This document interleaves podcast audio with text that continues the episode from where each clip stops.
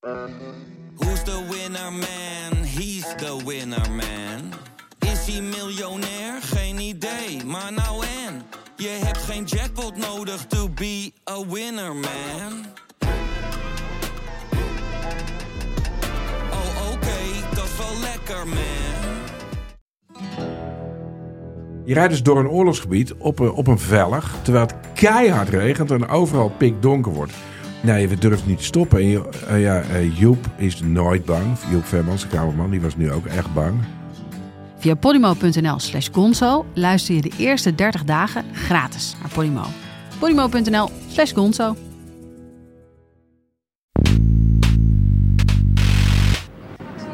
een pittige fractie gehad en een stevig gesprek gevoerd. Zowel met Mark eh, als met elkaar, met de fractie onderling. En we hebben Mark heel stevig doorgezaagd over eh, de instroom en onze zorgen over de instroom. En daar hebben we hem ook van doordrongen. En we hebben hem vragen gesteld over wat nou zijn inzet is als voorman van de VVD. eh, als onze partijleider, wat zijn inzet is om die instroom naar beneden te brengen. En zijn antwoorden en het gesprek met hem heeft eh, mijn fractie, heeft de VVD-fractie voldoende vertrouwen gegeven dat hij daar als VVD-leider, als VVD-man voor ons mee aan de slag gaat. Dit is Betrouwbare Bronnen met Jaap Jansen.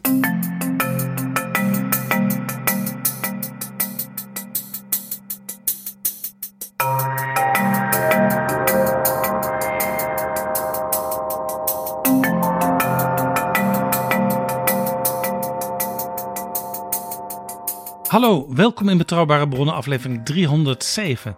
En welkom ook PG. Dag Jaap.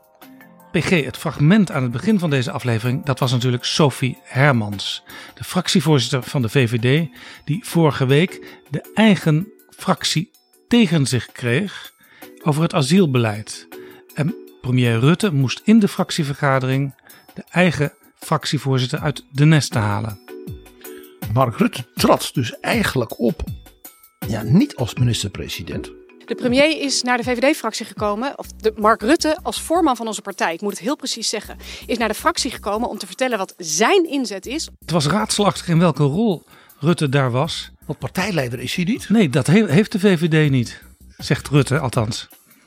Dus het was een soort nostalgiebezoekje van de oud-fractievoorzitter die nog eens gezellig een kopje koffie kwam drinken met de, vroeg, met de collega's, zoiets. Rutte zei: Ik ben de voorman van de partij. Ik ben voorman van de VVD. Leider hadden we tussen 1942 en 1945. En voorman, dat is een term uit de bouwvakkerswereld. Dat is degene die bepaalt: eh, jij gaat met die stenen naar dat hoekje toe. Eh, ik ga met die kruiwagen daar naartoe. En laat me Eh. nog eens even de tekening zien van het plan. En is het metselspul al klaar? De voorman is dus niet de architect. Nee, blijkbaar is er al een opzet en die moet worden uitgevoerd. En de voorman coördineert dat. En de hoofduitvoering die vroeg aan de voorman, kom het nog even een keer uitleggen. Precies, en dat hoofduitvoering was natuurlijk Sophie. En ja, daarmee zijn wij natuurlijk toch bij de vraag: wat is dat? Een fractievoorzitter. Wat doet zo'n Sophie Hermans nou de hele dag? En het bijzonder natuurlijk, fractievoorzitters van wat grotere partijen, voor zover ze in Nederland nog hebben, eh, die een bijvoorbeeld een extra ingewikkelde rol hebben, omdat ze bijvoorbeeld deel uitmaken van de coalitie of een belangrijke rol vervullen in de oppositie. Eh, en daarbij dus niet alleen maar intern bezig zijn. Maar ze- zeker zo'n Sophie Hermans is natuurlijk ook met de collega-fractievoorzitters van de coalitie bezig. Met natuurlijk de ministers. En niet alleen maar die van de VVD. Maar ze heeft natuurlijk ook voortdurend contact op beleidsterreinen met bewindslieden van andere partijen. Dus dat maakt die rol van fractievoorzitter van zo'n partij best ingewikkeld.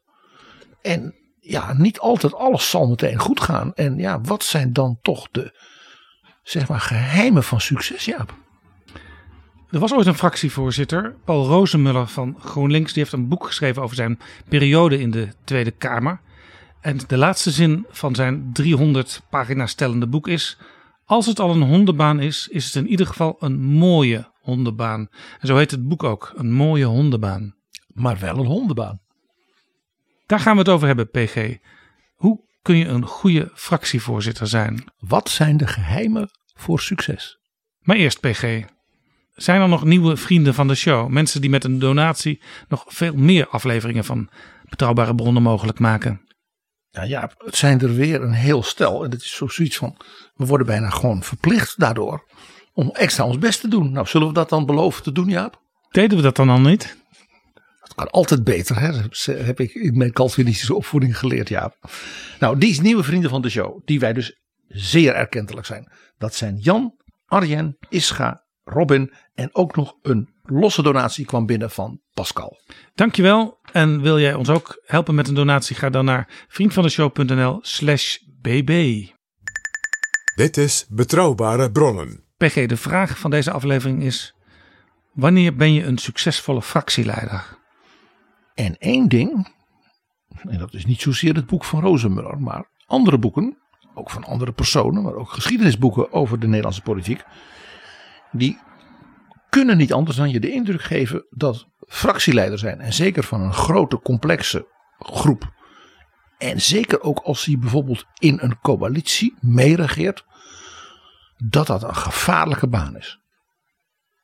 Als ik gewoon voor jou eens even een paar namen laat vallen, bekende namen, politiek, waarvan je eigenlijk moet zeggen, in, in de fase dat die vrouw of man fractievoorzitter was, ging het helemaal mis. Wat dacht je van Ed Nijpels? Die ging helemaal kapot aan de almacht van Lubbers, van zijn coalitiepartner. Ed Nijpels won enorm voor zijn VVD de verkiezingen. Ging toen niet het kabinet in. Hij was jong en hij wou dus vanuit de Kamer profiel van de VVD uh, oppoetsen. Want gewonnen, dus hij dacht dat kan ik nog doorwinnen. Ging helemaal mis. En, en van Ed Nijpels uh, moeten we natuurlijk altijd nog even onthouden. Dat toen het duidelijk werd dat hij als lijsttrekker de verkiezingen in 86 enorm ging verliezen. Dat toen in die fractie er al een soort koepplan klaar lag. Voor de ochtend na de verkiezingen. En dat is toen ook uitgevoerd onder leiding van Frits Bolkestein. En diezelfde Bolkestein die speelde weer een hoofdrol toen Joris Voorhoeven, opvolger van Nijpels, het ook niet goed bleek te doen. Want Joris Voorhoeven, dat was een denker. Hij dacht echt na over waar staat het liberalisme in deze tijd voor.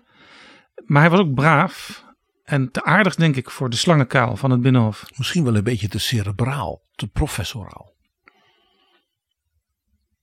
En ja, uh, in zekere zin liep ook Voorhoeven politiek in het mes van Ruud Lubbers. En dat gebeurde ook met misschien wel de meest tragische figuur, als je het hebt over fractievoorzitters. Elko Brinkman, die was aangewezen door Lubbers als opvolger. Dus iedereen zag Brinkman ook meteen als de nieuwe premier in de nabije toekomst. Want ja, het CDA was op dat moment de dominante partij. En daar had Brinkman in de praktijk alleen maar last van. Ja, want hij was twee kabinetten achtereen minister geweest. Hij was heel jong toen hij als minister begon. Dus hij was iemand die dus jong fractieleider werd. Maar wel al een enorme staat van dienst had. Behalve niet in het parlement. Hij was nooit Kamerlid geweest. Dus hij werd geparachuteerd. En een van de meest wijze CDA-Kamerleden van die tijd, Gerrit Gerritsen, die heeft ooit tegen mij gezegd: hij was een parachutist die alleen nooit geland is. Want uh, Ruud Lubbers, de premier voor een derde termijn, gaf een interview aan ene Jaap Jansen. En Arenda Joustra van Elsevier, tegenwoordig EW Magazine. En zei, en ik denk jullie ook een klein beetje als interviewers overrompelend. Dat ja, die Brinkman, ja, dat, dat, dat, ja, daar zag hij het wel in. En dat dit toch misschien zijn laatste keer was. Nou, niet misschien.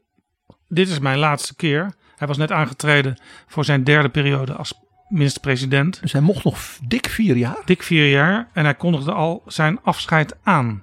En hij zei ook al in hetzelfde interview: En Elko is mijn opvolger.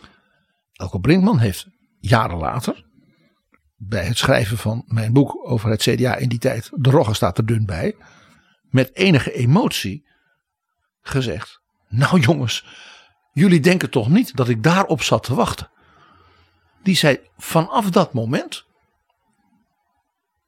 alles wat ik zei, of naliet te zeggen, alles wat ik deed, of wat ik niet deed, waar ik afwachtte of juist heel snel, werd altijd maar vanuit één manier bekeken. Namelijk, dat doet hij om zo snel mogelijk van die lubbers af te komen en dan zelf op de troon te zitten. Hij zegt alsof ik, bij, ik, alsof ik dag en nacht maar met één ding bezig was. Zagen aan de stoel, stoelpoten van de troon van Ruud Lubbers. Hij zegt dus ik kon op een bepaalde manier als fractieleider niets goed meer doen. En hier was Elko Brinkman zich ook heel erg bewust van al meteen toen dat interview met Lubbers verscheen in het kerstnummer. Want ja, uh, wij vroegen natuurlijk Elko Brinkman om zo snel mogelijk in januari dan ook een interview aan ons te geven. En daar had hij helemaal geen zin in. Maar ik geloof dat het toch in de tweede week van het nieuwe jaar was dat hij alsnog bij ons verscheen.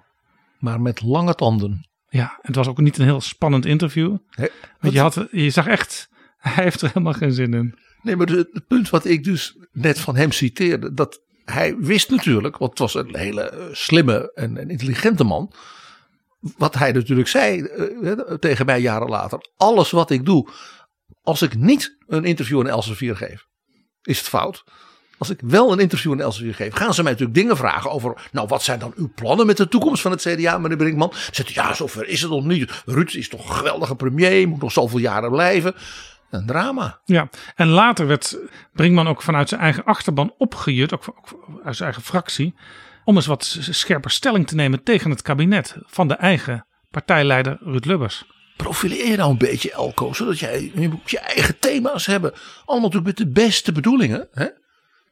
Maar het verhoogde dus de spanningen. Eh, het, verhoogde een, een, ja, een soort argwaan van Lubbers. Hè, die in de loop van de jaren begon toe te nemen.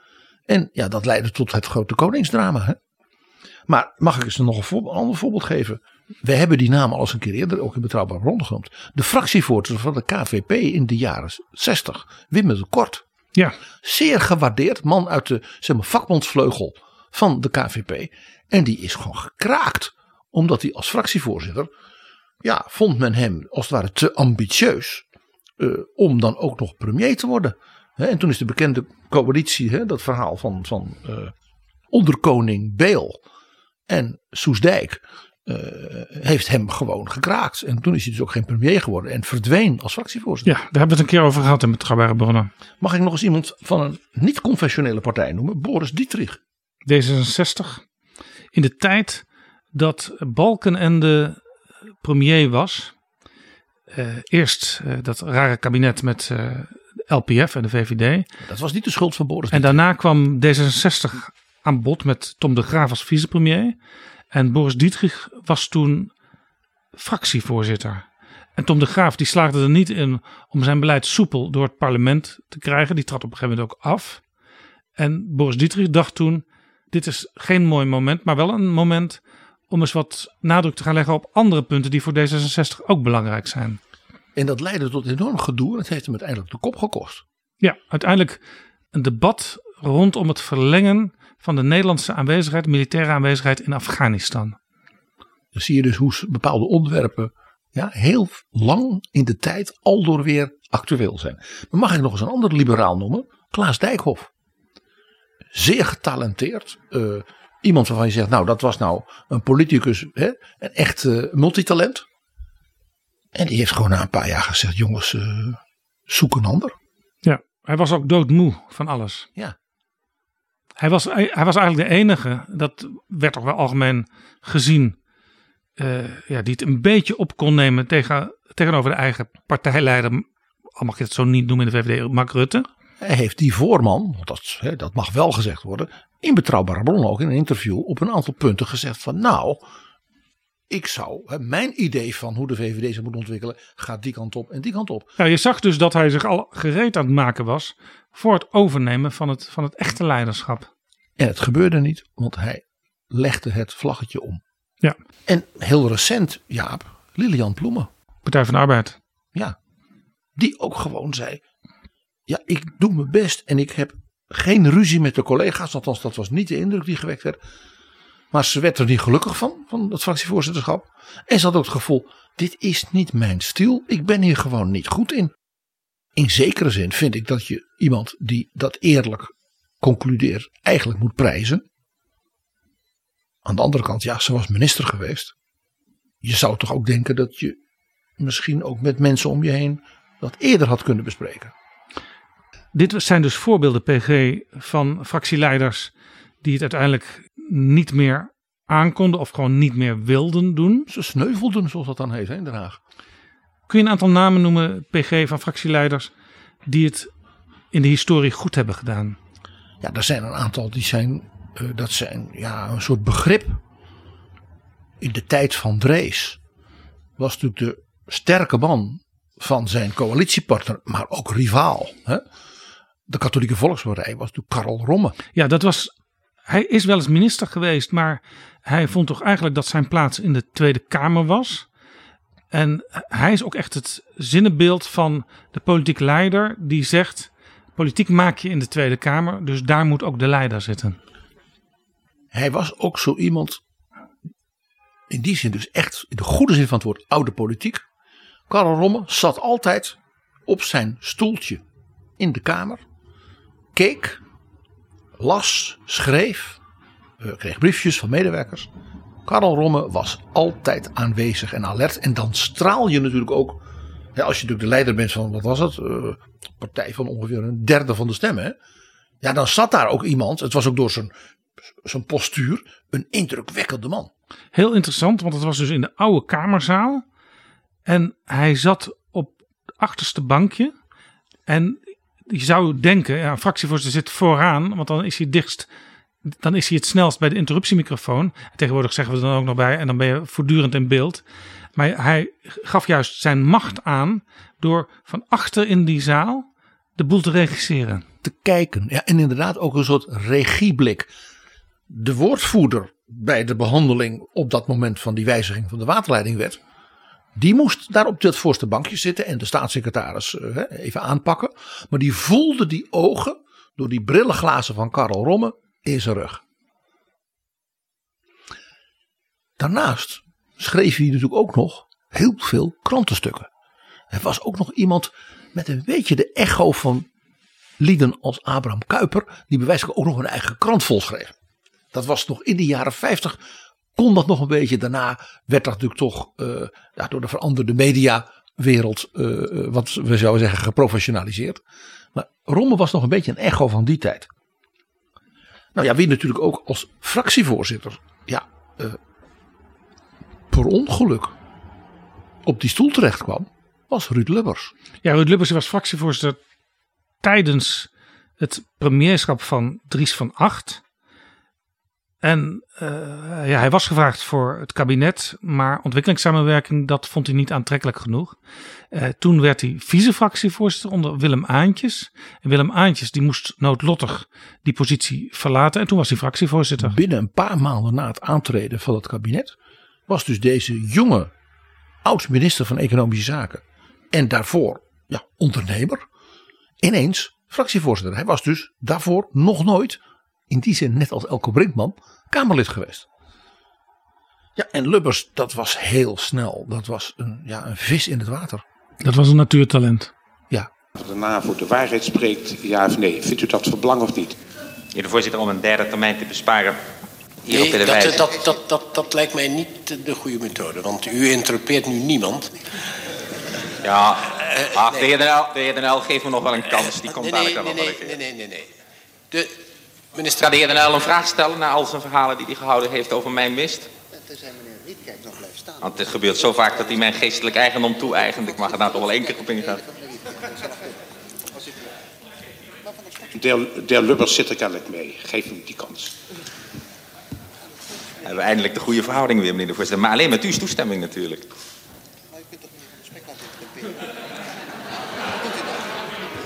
Ik zie, meneer de voorzitter, met genoegen dat ministers niet altijd knikken, maar u wel in zo'n situatie. Ehm, meneer de voorzitter, ik wil alleen dit eh, opgemerkt hebben dat eh, de heer Den Uyl steeds twee dingen tegelijkertijd noemt. En over één hebben wij geen verschil van inzicht. Dat is dit. Dat er natuurlijk openstaande vragen zijn. Dat heb ik nadrukkelijk gezegd in de eerste en tweede. Jij weet, ik heb daar zelf eh, heel, heel dichtbij gezeten. Omdat ik, eh, hij was nog niet zo heel lang fractievoorzitter, enkele maanden. En toen kwam ik bij die CDA-fractie. En na een tijdje, mede door hem, fulltime. En ja, dat was echt een genot om naar te kijken. Eh, zijn slimheid, zijn snelheid. Het was iemand die, ja, zeg maar, waar hij als premier later ook zo beroemd en beetje berucht om werd, meedacht. Hè? Dat bleek dus in die man te zitten. Ruud Lubbers was dus echt wat je kunt noemen een politiek dier. Ja. En daarnaast was hij, omdat hij dus die achtergrond had als ondernemer. En ook een beetje toch als denker, want dat was hij ook. Was hij dus niet alleen maar politiek dier. Hij had meer in dat soort dingen. En dat maakte hem dus ook extra interessant. Maar ja, eh, even een, een vergelijkbaar iemand. Uh, ook zo'n echt politiek dier, ook wel wat ik altijd noem een vleesetend politiek dier, is natuurlijk Maxim Verhagen. Een vleesetend politiek dier? Een carnivoor. Want hij lust rauw. Ja. Uh, het type Verhagen is natuurlijk een ander mens dan Lubbers. Ja, hij is, hij is echt een, gedreven, een gedreven politicus. Maxime Verhagen is een voorbeeld van wat nu wel eens uh, als negatief wordt beschouwd. Iemand die helemaal is opgegroeid in die politieke kolom. Fractiemedewerker, gemeenteraadslid, Europees parlementslid, Tweede Kamerlid, minister. Alles. Dus ademt, drinkt, eet politiek. En ervan ook heel interessant bij Max Verhagen vond ik altijd. Je kon aan hem zien dat hij ervan genoot. Van het spel, van de macht, van dingen voor elkaar krijgen. Uh, er zat bij hem, dat werd niet altijd gezien of gewaardeerd, ook een enorm idealisme op het punt van Nederlands in Europa. He, maar men zag vooral de liefhebber van het politieke machtsspel. Niet alles lukte hem, want uh, het ging niet goed met zijn partij in dat roemruchte partijcongres, hè, waar hij toch politiek de leiding aan gaf. Maar ja, toen was hij natuurlijk de kandidaat vicepremier. En eigenlijk ontsteeg hij op dat moment dat fractievoorzitterschap. Maar als fractievoorzitter, uh, zeg maar in de Balkenende jaren, is het onmiskenbaar dat hij ook Balkenende als premier, maar ook die coalities die vaak heel labiel waren. We hadden het al even over Boris Dietrich. Uh, dat hij die ja, overeind hield. En als het niet meer goed ging, Denk even aan toen die ondergang van de LPF bij de begrafenis van Prins Klaus. Daar zorgde hij ook voor dat er een einde aan kwam. En zo dat Balkenende er eerder nog versterkt uit voortkwam dan verzwakt als nieuwe premier. Knap hoor. Ja, wat tragischerwijze over ook gebeurd. Maar dat, toen was hij al lang geen fractievoorzitter meer. Maar toen hij als vicepremier uh, Geert Wilders uitzwaaide in het eerste kabinet Rutte. En daar werd toen de premier Rutte ook sterker van. Ja, en zo is dat. En uh, jij weet, Jaap, dat ik in Tand destijds heb beschreven dat Wilders moest toegeven dat hij bij die financiële onderhandelingen in het katshuis over de begroting de greep op zijn eigen fractie een beetje kwijt was. In het bijzonder op uh, Fleur Agema. Want ja, aan de ene kant moest er enorm worden bezuinigd in de zorg en daar was zij ook heel erg voor. Maar de dingen waarvan Edith Schippers als minister en Verhagen als CDA-leider, want dat mocht je wel zeggen, uh, zeiden nou dat doen we niet en dat doen we wel, leidde tot groot gedoe. En Wilders vertelde dus toen dat uh, ja, Fleur Agema dan in de fractie enorme huilbuien kreeg. En ja, dan de besprekingen niet door konden gaan. En dat was gewoon natuurlijk een middel voor haar. Om dus haar zin te krijgen bij Wilders. En Wilders gaf dus toe dat hij niet wist hoe hij daarmee om moest gaan. En toen heeft hij dus aan Verhagen gevraagd. Kun jij niet eens met haar praten? Dat je kunt uitleggen hoe jij dat ziet. Waarop Verhagen de onsterfelijke woorden sprak. Nou, dat doe ik wel. Want huilbuien, dat kan ik ook. Daar was Verhagen beroemd om. Dat hij in onderhandelingen desnoods, en niet veel mannen doen dat, uh, niet alleen woede aanvallen, maar ook huilbuien kon inzetten om zijn zin te krijgen. Kortom, een echt politiek dier. Ja, als huilbuien kun je natuurlijk, als je dat speelt, kun je dat maar tot een zekere hoogte blijven doen. Hè? Want op een gegeven moment hebben ze je door. Uh, dus dat is het onderdeel van de finesse van het politiek leiderschap. Wanneer wel en wanneer niet. Maar nou, een heel ander iemand. We hadden het al over zijn boek. Paul Rozemuller. Die partij, GroenLinks, die ontstond was uit drie kleine, ook bijna, nou zeg maar, bijna op partijtjes. Bij elkaar bracht en er een nieuw profiel en gezicht aan gaf. Ja, voor het eerst, voor het eerst was GroenLinks een succesvolle partij. Dat was onder het leiderschap van Rozemuller. Ja, en met name ook in de, ik zal maar zeggen, de tweede paarse periode, hè, toen dus Kok eh, en Bolkestein natuurlijk die verkiezingen enorm hadden gewonnen, was hij veel meer dan CDA-leider De Hoop Scheffer de, zeg maar, de nummer één van de oppositie. En men ging dus ook min of meer vanuit, zeker veel in het CDA weet ik, dat er na die verkiezingen van mei 2002 een kabinet zou komen met daarin vicepremier Rozenmuller. Want hij zou bij die verkiezingen gaan winnen. Dat is de beeldvorming. En dan waarschijnlijk met PvdA en CDA een, een soort coalitie gaan vormen. Dat gaf dus aan hoe hij vanuit een nou ja, klein clubje, wat het moeilijk had, in een aantal jaren als fractieleider daar dus een, ja, een, niet alleen een krachtige organisatie van had gemaakt. Dat is ook knap. Maar ook met een heel eigen en eigen tijds en aansprekend politiek profiel. Dat is knap werk. Ja. Dan hebben we tot nu toe alleen maar mannen genoemd. Ik wil ook nog even een vrouw noemen. En dat is Mariette Hamer. Ja, die is denk ik eh, als fractievoorzitter bij veel mensen al een beetje weggezonken in het geheugen. Daarom is het ook leuk om dat te noemen. Kijk, uh, zij moest net als Lubbers geheel onverwacht en ja, door narigheid ineens die rol overnemen. Uh, Jacques Tichelaar, de fractieleider van de Partij van de Arbeid, en dat was hij, er was geen enkele discussie over dat hij dat was, die kreeg een verschrikkelijk hartinfarct. En ja, is geloof ik bijna een jaar ook weggebleven uit de Kamer. En die moest worden opgevolgd. En het was ook duidelijk niet voor een weekje of twee, drie, omdat hij niet lekker was. Er zat niks anders op dan dat er iemand anders die rol moest overnemen. Nou, Mariette Hamer was de fractiesecretaris. Die was dus zeg maar degene die voor Tichelaar zeg maar het apparaat van die fractie ja, deed. Zij zat dus al in de top van de fractie.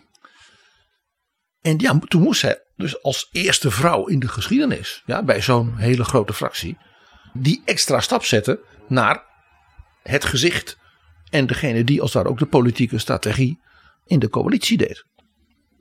En ja, het is natuurlijk geen toeval dat ze, nadat ze dat dan al jaren had gedaan, in de periode daarop werd benoemd tot voorzitter van de SER.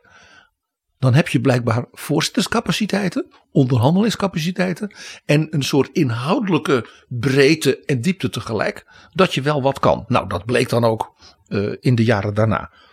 En we weten ook dat zij bijvoorbeeld als PvdA-aanvoerder in de Kamer het opmerkelijk goed kon vinden met de premier Jan-Peter Balkenende.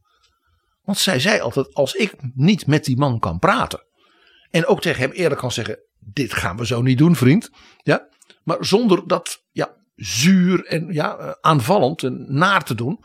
Ja, dan, dan, dan functioneer ik niet, want ik zit er ook voor de PvdA. Ja. En om dat dus bij die premier van het CDA het verhaal van de PvdA goed op tafel te leggen. En die twee, dat was heel grappig. Dat werkte dus heel erg goed samen. En dat was nodig omdat de vicepremier van de PvdA, Wouter Bos, en Balkenende helemaal niet goed met elkaar konden opschieten. Dus daarmee was de fractievoorzitter in haar rol dus extra machtig.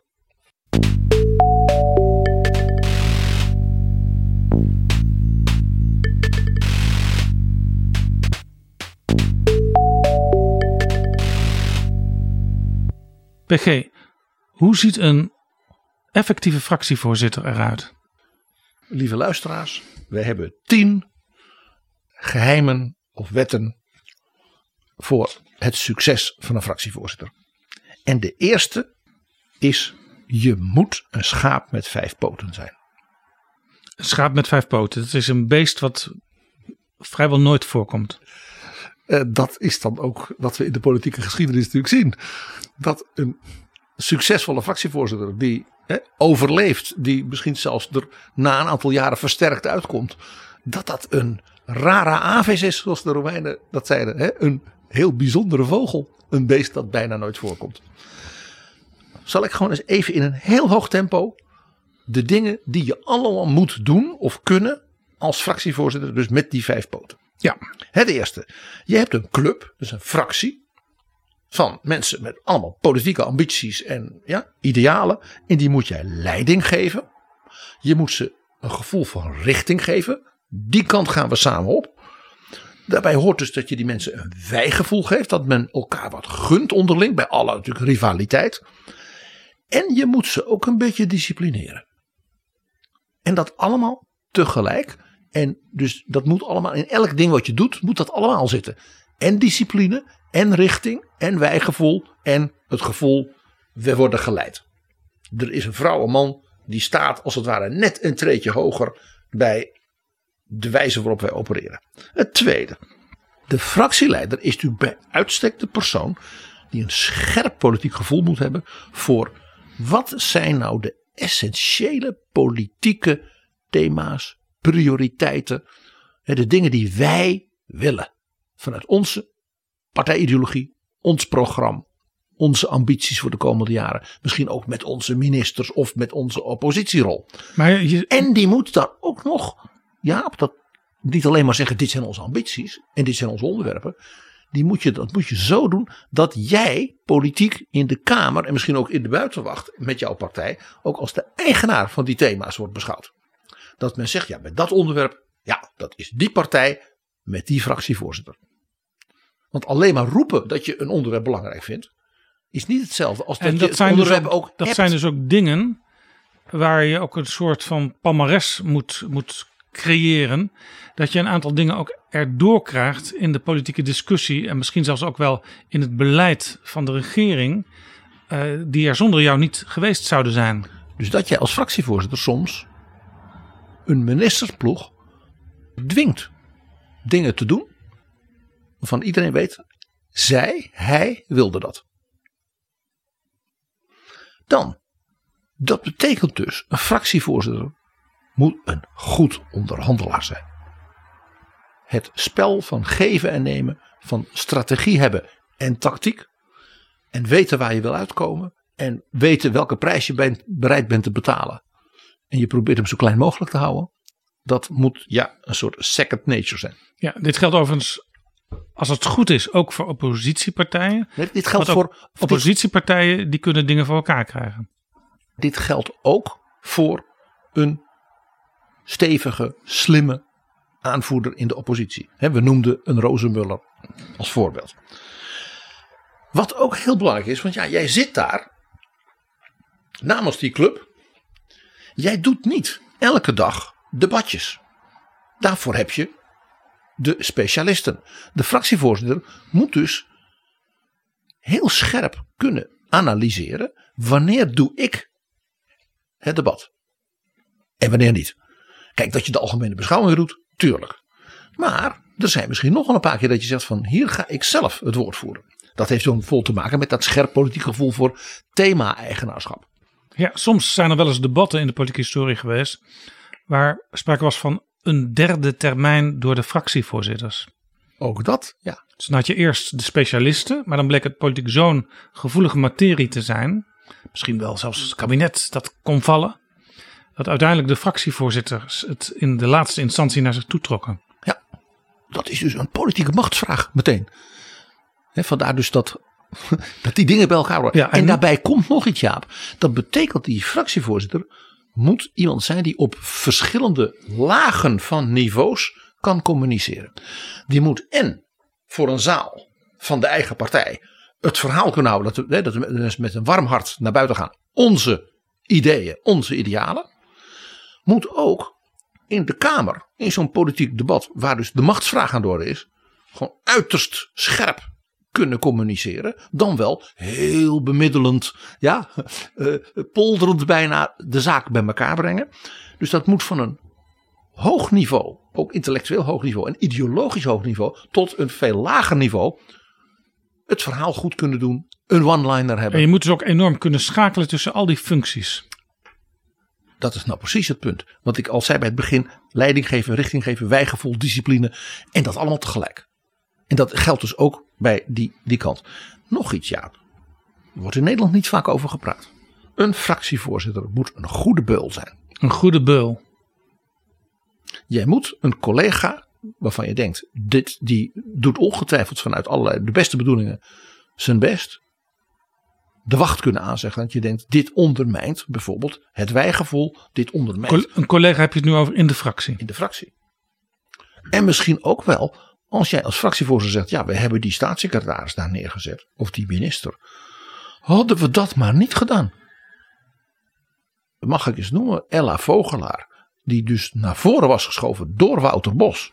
En het is toch echt Wouter Bos geweest als vicepremier. Die haar liet vallen.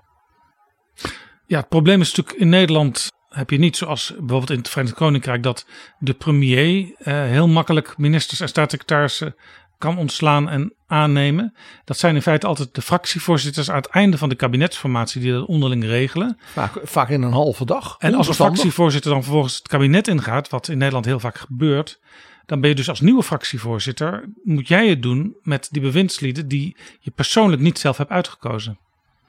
En ik denk dat dit een onderdeel is ook van het verhaal van wat er is gebeurd zeer recent met de minister van Landbouw. Daar bewees Gert-Jan Zegers van de ChristenUnie een goede beul te zijn. Terwijl hij dus wel oorspronkelijk de man had aangenomen. Ja, maar dat moet je dan als fractievoorzitter. Ja, dat maakt het dus ook extra lastig. Maar een goede beul betekent niet dat je dus als het ware een bloeddorstige hond moet zijn. Je moet tegelijkertijd iemand zijn van een evenwichtig naturel. Je moet je niet gek laten maken. Je moet niet te snel in paniek raken. Je moet je zaakjes op orde hebben. Je moet de dossiers en de, de mapjes bij elkaar houden. Dat als in de fractie de, de zeeën hoog gaan, dat jij als het ware zegt: vrienden, zullen we even rustig. Nou, wat was nou de kwestie? Je moet eigenlijk dus ook buiten jezelf treden en als een helikopter boven het geheel gaan hangen. Ja. En wat hij ook moet doen, zo'n fractievoorzitter, is natuurlijk neus hebben voor nieuwe dingen. En vooral nieuwe mensen. Een goede fractievoorzitter is een goede talent scout. Die ziet onder de medewerkers, die ziet in de partij, bij een commissie, bij het wetenschappelijk instituut, bij een wethouder, een gedeputeerde. Die zit dan nog niet in zijn fractie, maar dan is hij al bezig na te denken, misschien niet eens over vier jaar, maar over acht jaar. Een hele goede fractievoorzitter gaat de dag nadat hij of zij aantrad werken aan zijn opvolging. Het is ook altijd heel interessant om in het Kamergebouw te kijken welke gasten er een opwachting maken bij fractievoorzitters van grotere partijen. Soms zie je dan inderdaad mensen naar binnen gaan. Soms ook niet, want dan gebeurt het in restaurants, soms zelfs ver buiten het binnenhof. Maar soms zie je mensen naar binnen gaan die een aantal jaren later als minister weer naar buiten komen. Zo is dat, ja. Dat het iemand is uit die partij, bijvoorbeeld een, iemand uit een commissie van het Wetenschappelijk Instituut, waarvan zo'n fractieleider denkt: hmm, daar heb ik wat aan. Dat is een interessante denker. En oh, die is ook nog bestuurslid van dit en dit, dit. En dan komt zo iemand ineens ja, en tegenwoordig soms niet eens uit de partij, maar wel met een soort gevoel voor die politieke stroming. Ik heb dit zelf bijvoorbeeld direct meegemaakt met een jonge, buitengewoon slimme en vooral verfijnd denkende jurist. Die op die manier bij Lubbers in beeld kwam. Ernst Hirsballing. Dan nog iets. Een fractievoorzitter moet geen bureaucraat zijn. Dus de instelling van de fractievoorzitter moet anti-bureaucratisch zijn. Als die gaat zitten regelen, zal ik maar zeggen. Procedures gaat zitten bedenken. Dat helpt niet. Daar heeft hij, als het goed is, anderen voor. Hoe regel je dingen? Dingen? De fractievoorzitter moet niet bezig zijn met, ik zal maar zeggen, de logistiek. Toch gebeurt dat soms wel een beetje. Want ik herinner me nog in het oude Tweede Kamergebouw bij de CDA-fractie. Daar had je zo'n uh, zo'n kast en daar lagen bijvoorbeeld de, de Kamervragen die die dag gesteld waren. Uh, die lagen daar in stapeltjes voor de journalisten. En daar stond altijd een soort stempeltje op met daarin de handtekening van de fractievoorzitter dat de vragen waren goedgekeurd om bij de Griffie in te dienen. Dus de fractievoorzitter moest blijkbaar al die vragen van al die individuele Kamerleden, en soms waren het er een stuk of vijftig, van tevoren zien. Uh, ja, het antwoord daarop is dat klopt. Uh, dat heb ik als uh, medewerker zeer veel meegemaakt. Maar dat is toch bureaucratie, PG? Ja, en dat was dus omdat die CDA-fractie heel groot was in die tijd. en ook nog was ontstaan uit de drie andere fracties. He, die waren, dat was dus één club geworden. kun je dat niet delegeren? Bijvoorbeeld bij de Partij van de Arbeid hadden ze, ik weet niet hoe het tegenwoordig is, maar toen ze nog groot waren, hadden ze voor elk beleidsterrein een coördinator. En ik kan me voorstellen dat die coördinator dat dan allemaal overziet. Ja, maar de CDA-fractie was ontstaan uit drie andere fracties. Daar waren verschillende tradities en ook verschillende coördinatoren geweest. Dus dat moest nog een beetje groeien. En als je dan ook nog zo'n veelvraat ja, en eindeloos creatief iemand als Ruud Lubbers hebt als fractieleider, dan doet hij dat liever zelf. Ja, dus toch een beetje bureaucratisch. Nou ja, dat bewijst dus dat, want dit zijn die punten van die vijf poten, dat dus niet iedere briljante fractieleider of voortreffelijke aanvoerder of voorman hè, op al die punten natuurlijk 100 punten scoort. He, bijvoorbeeld, we hadden het even over Mariette Hamer.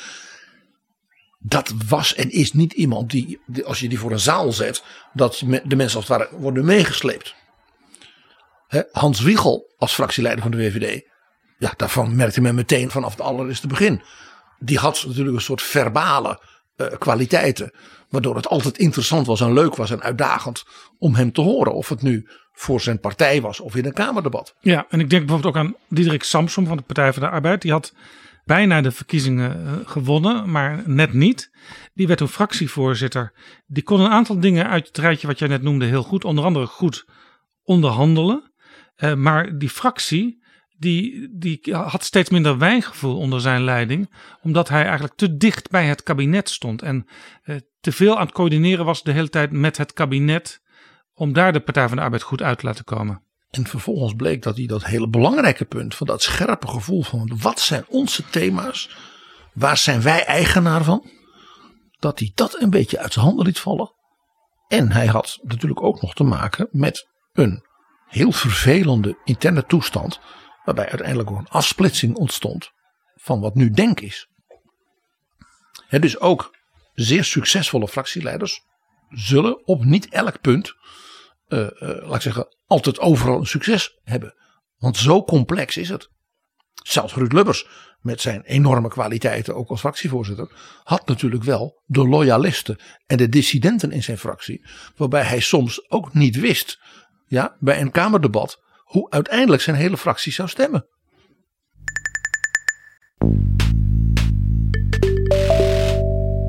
Dit is Betrouwbare Bronnen, een podcast met betrouwbare bronnen.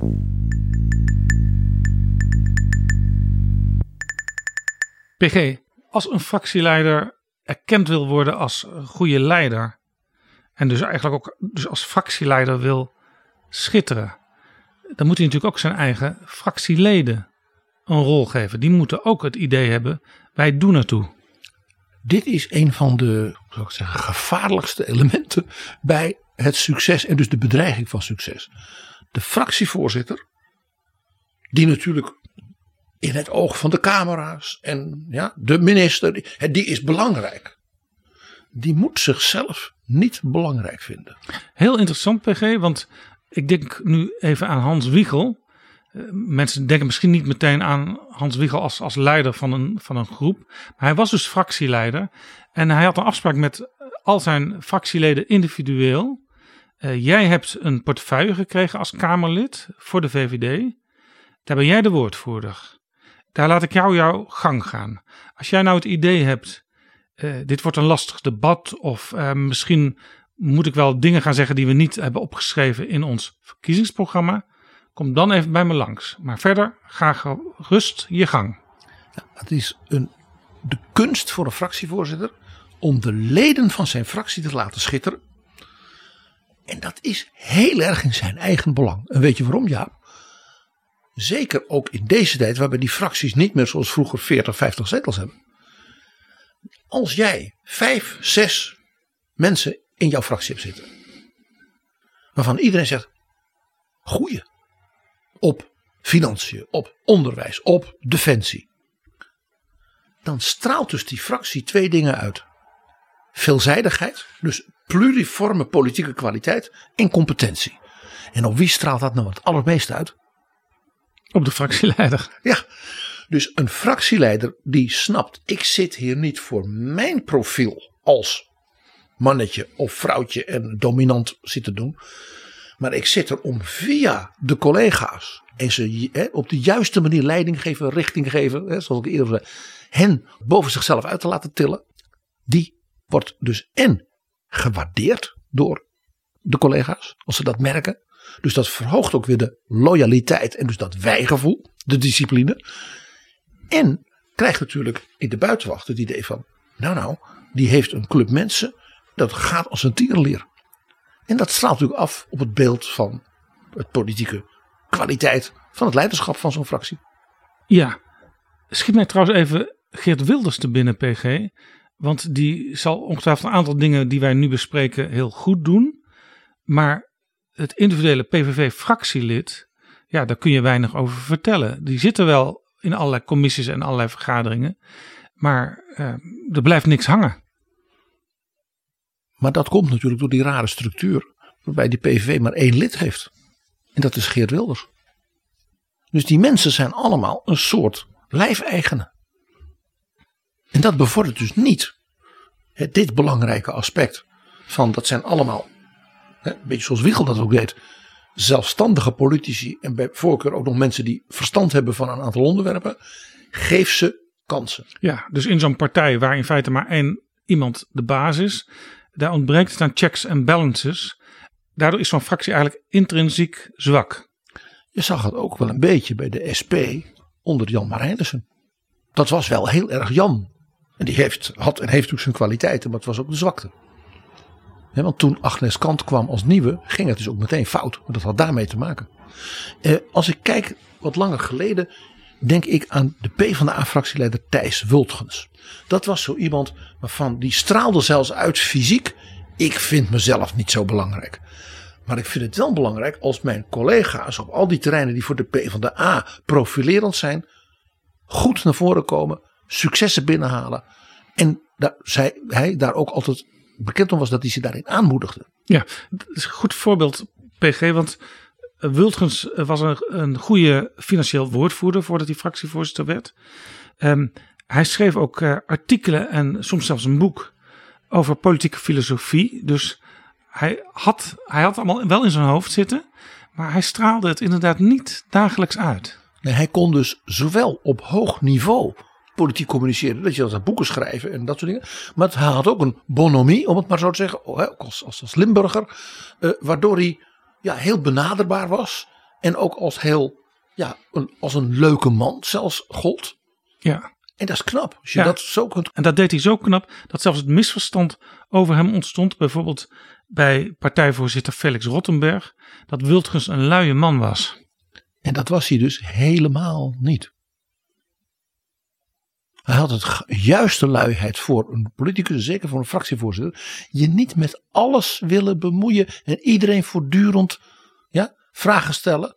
Mensen, wat Wiegel ook had, dus ruimte geven. Maar zelf heel precies weten wat jij wil en hoe je als het ware die richting geeft. En Rottenberg was waarschijnlijk nog te veel zelf een jonge hond uit Amsterdam, dat hij dat niet door had. En ook voor journalisten was het heel prettig als je iets van Wilsons wilde, gewoon als je eens even iets wilde weten. Op bepaalde tijdstippen wist je, hij zit in de buurt van zijn fractiekamer. Daar was een soort klein cafeetje in een wandelgang. Uh, en daar kon je Wilsons vinden. En dat was, hij was dus heel communicatief daarin. En een echte zuiderling. Mag ik, is de huidige tijd, wat mij bijvoorbeeld opvalt, is dat de fractie van GroenLinks, die heeft een onmiskenbare nummer 1, Jesse Klaver. Maar die fractie is gevuld, ondanks de nederlaag, zal ik maar zeggen bij de verkiezingen, met een hele reeks Kamerleden. Waar je zegt van, nou die mogen er zijn, inhoudelijk. En ik denk dus dat dat komt omdat Jesse Klaver dat blijkbaar als fractievoorzitter net, op, net als op deze manier aanvoelt. En dus als het ware ze voldoende ruimte geeft daarvoor. Waardoor die, die fractie als het ware eigenlijk boven zijn gewicht uh, weet te opereren. Door dus de combinatie van een leider. die ook duidelijk, als dat nodig is in grote debatten, dat leiderschap toont. Maar tegelijkertijd dus die specialisten in zijn fractie. Denk aan bijvoorbeeld iemand als Lisa Westerveld. Echt inhoudelijk op hoog niveau laat scoren. Ja, Tom van der Lee, niet te vergeten. Ja, nou je kunt zo. Ik, ik, wat ik zei, Laura Bromet. Ja, dat is een hele serie. Eigenlijk, hij heeft maar acht, acht fractieleden, inclusief zichzelf. En uh, ze doen er allemaal wel toe. Eentje die mij de laatste week opvalt is Senna Matoeg. Die zie ik echt in veel debatten heel effectief bezig zijn. Ja, ja dat is een gave die je als fractievoorzitter ook een beetje, het moet een beetje in je zitten. Dat je dus die collega's die ruimte geeft. En dat je dus hen uitnemender acht dan jijzelf. Overigens PG, dit beeld van Jesse Klaver is inderdaad iets wat je nu kunt vaststellen. Maar dat is niet altijd zo ervaren. Want een van de redenen voor Bart Snels om te vertrekken uit de GroenLinks-fractie is dat alles wel erg om Jesse Klaver draaide. Ja, dus ook Jesse Klaver is niet volmaakt. Nou ja, wie is dat wel? Ja.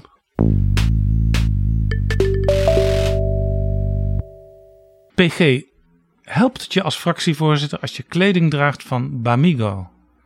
Dat denk ik wel, Jaap. Ten eerste, het is op een hele bijzondere manier dat bamboespul heel duurzaam in de productie. En niets is natuurlijk voor een fractievoorzitter zo belangrijk dan dat zijn macht duurzaam is. En tijdens het debat is het ook fijn als de boel verhit raakt. Als je onderkleding draagt van Bamigo. Ze zien het niet, maar je blijft er lekker koel cool door. En als anderen hun hoofd verliezen, hou jij het hoofd koel. En als fractievoorzitter kun je tegenwoordig ook echt voor de dag komen met Bamigo. Want ze hebben tegenwoordig ook overhemden. En nog iets. Uh, we hebben het toch over de Nederlandse politiek. En de Nederlanders waarderen toch altijd als ze het zo kunnen kopen dat het niet te duur is. Dat ze korting krijgen. Dus als jij kunt laten zien, ik heb iets goeds bereikt en het was niet zo duur. Dan heb je natuurlijk als fractievoorzitter in Nederland altijd de plus. Ja, en je weet als vaste luisteraar van eh, Betrouwbare Bronnen dat je 25% korting kunt krijgen op je eerste bestelling bij Bamigo met de code BRON25. Maar ja, misschien heb je al een keer besteld en wil je nog een keer bestellen. En dan moet je nu toeslaan, want het is de Black Friday periode. En dan krijg je sowieso 25% korting. Dus daar heb je die code helemaal niet nodig in deze periode. En kun je lekker opnieuw nog weer extra spullen bestellen. Dus sla je slag. En als die periode voorbij is, als Black Friday weer achter de rug is, gebruik dan weer de code BRON25 bij bamigo.com.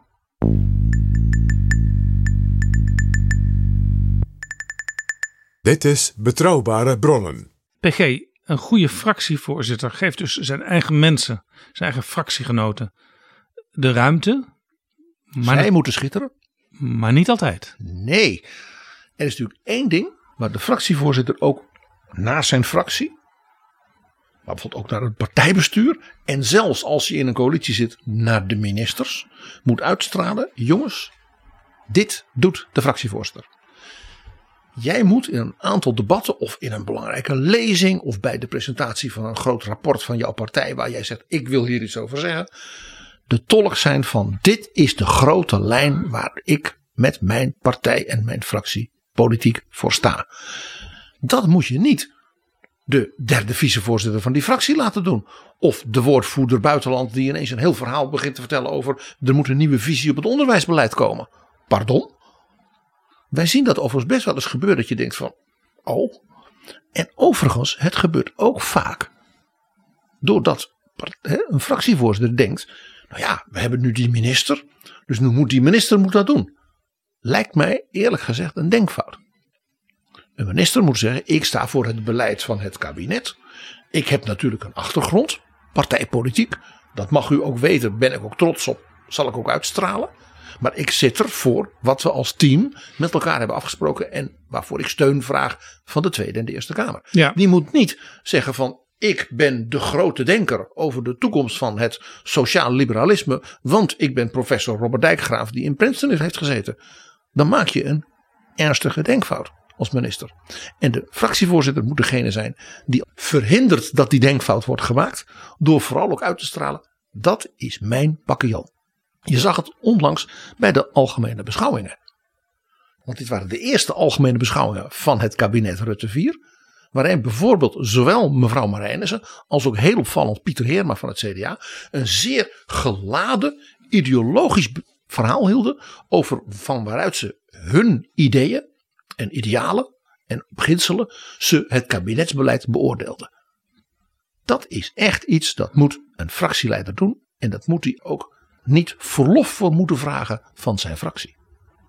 Nou, als ik dan zeg de naam Joop den Uil, dan weet jij genoeg. Ja, Den Uyl was een voorbeeld. Uh, en trouwens ook uh, Frits Bolkestein. Want die was natuurlijk ook fractieleider uh, als de partij in het kabinet zat. Uh, van een leider die ook zich voortdurend bleef voeden met wat er in de wereld gebeurde. Zij, zij lazen allerlei politieke filosofen, spraken met economen, met mensen uit hun eigen partij, maar ook van buiten hun eigen partij uit andere landen in Europa en in de Verenigde Staten en noem allemaal maar op. Uh, zij hadden dus permanent aandacht voor waar staat mijn partij voor, tot welke stroming behoor ik. En hoe vertaal ik en waarom? En hoe vertaal ik dat in een soort breder politiek en ik zeg ideologisch kader om dat vervolgens te vertalen. En dat betekent in Nederland, wat mij betreft, vanuit mijn ideeën, dit. Ja, en bijvoorbeeld Frits Bolkestein, die slaagde erin het VVD-profiel steeds uh, hoog te houden. En ook wel uh, andere partijen, maar ook zelfs mensen in de eigen partij, soms enige angst aan te jagen. Van ja, ik moet wel uh, blijkbaar Bolkestein een beetje tegemoet komen, want anders lig ik er misschien wel uit in de partij. Ja, want dat is grappig genoeg dat jij de verbinding legt. Want dat is eigenlijk een volgend belangrijk element van die tien geheimen en wetten. De fractieleider mag best een beetje gevreesd worden. Je zit daar niet om liever koekjes te bakken. dat onderdeel van leiding geven, richting geven, discipline. Daar zit ook een element in van. U gedraagt zich. En ik ben wel. U krijgt ruimte om te schitteren, maar ik ben wel de leider. Ik zorg wel voor de lijn. En daarin verwacht ik dus ook wat de Duitsers zo mooi noemen gevolgschaft. Dan is het dus best goed als er enig ontzag zeg maar, voor die figuur is. Zelfs ook in de eigen fractie, bij het personeel, maar ook bij anderen. Ook wel bijvoorbeeld in de partijorganisatie en zelfs bij de media. Dat men denkt, ja, deze vrouw, deze man, ja. behandelt die met respect. Ik weet dat VVD-Kamerleden eh, die konden boksen niet allemaal volgen. Hè. Ze begreep gewoon niet altijd waar die mee bezig was. Ze vonden een beetje raar. Maar tegelijkertijd zagen ze wel dat hij steeds populairder werd bij de kiezers. En kiezers zagen ook dat mensen weer een beetje bang voor hem waren. Hè. Dus dat in de debatten iedereen wel luisterde. Wat zegt Bolkestein? Wat gaat hij doen? Dus niet alleen typische traditionele VVD-liberalen, zeg maar, vonden Bolkestein interessant, maar steeds meer uh, ja, brede delen van de bevolking gingen naar die Bolkestein kijken, want daar gebeurde wat in, in Den Haag in de politiek. En dat gold trouwens ook een beetje voor Hans van Mierlo als leider van D66, want die slaagde erin om kabinetten waar zijn eigen partij niet in zat, mede te sturen vanuit de oppositie. En dat is natuurlijk ook iets heel bijzonders als je dat kunt. Ja, maar men was niet bang voor hem. Nou, ze wisten allemaal, die partij groeit onder zijn leiding. Of donderen weer in elkaar. Als wij een nieuw kabinet willen gaan vormen, dan hebben we die partij misschien wel nodig. Dus we moeten wel luisteren wat hij wil en misschien daar eens af en toe een compromis sluiten. Ik denk dat als ik naar kijk naar de geschiedenis van D66, ik een veel beter voorbeeld heb en dat is Alexander Pechtold. Want die daarvan, had, nou, wist men, daarvan wist men, die is politiek zeer slim. Uh, die is, heeft een scherp gevoel voor zeg maar, de machtsfactor. Uh, is ook bereid, hè, dat bleek onder andere bij Rutte 2, te dealen desnoods met de gereformeerde partijen samen. Hè, als seculiere sociaal-liberale partij. Om Rutte overeind te houden. Maar vriend, dat kost je wat. En dus op die manier was er voor Pechtold een, ja, wat ik dus noem, ontzag van hij is iemand die, daar moet je rekening mee houden. En die is die partij, die toen geloof ik ongeveer nul zetels had toen hij aantrad. Die gaat hij langzaam maar zeker terugbrengen. En hij is een van de weinigen ook die in, in, in debatten die Wilders van katoen durft te geven. Wat ik net vertelde over Van Mierlo. Dat is precies wat Pechtold van hem heeft afgekeken. En vervolgens heeft vervolmaakt. Want Pechtold was meer dan Van Mierlo iemand die de kunst machtig was van het politieke ivoor draaien. Hij kon dus ook echt in alle lagen tegelijk handelen. Terwijl Van Mierlo meer iemand was die af en toe toespraak hield. Of af en toe een opmerking maakte bij de interruptiemicrofoon. Die dan bleef hangen. Eh, maar Pechtold, die, ja, die was in feite al aan het regeren vanuit de oppositie inhoudelijk. Dus niet alleen cultuurkritiek, wat Van Mierlo vooral deed, maar ook tegelijkertijd zaken doen. Nou, zijn we het dus eens over deze analyse. Nou, kijk, Lubbers, dat weten we. Hè, daar, was, eh, daar was altijd een zekere, eh, laat ik zeggen, huivering. eh, omdat men zei, die man is zo ja, randgeniaal politiek. En die volgt alles. En die kent soms van, van dossiers de details en de finesses bijna dus beter dan de expert. Een woordvoerder op een detail kon dus altijd overklast worden door de fractievoorzitter. En dat gebeurde ook wel soms in de fractievergadering. Wat pijnlijk kan zijn. Ja, Eh, er was een Kamerlid eh, waarvan die altijd aan het eind dan nog haar puntje wilde maken. Ze heette Ria. Omen Ruiten. Lubbers placht dan als zij nadrukkelijk het woord wilde. En hij dus onmiddellijk wist waar het over zou gaan. Dan zei Lubbers in de fractievergadering. Ria, als je mij even de conclusies laat trekken, krijg jij daarna het woord. Schandelijk. Dat is wat ik bedoel, dat ze een beetje bang voor je moeten zijn. Als je, nu, als je dat nu zou doen, dan zou je aangeklaagd worden vanwege het scheppen van een onveilige sfeer. We hadden het in het begin, Jaap.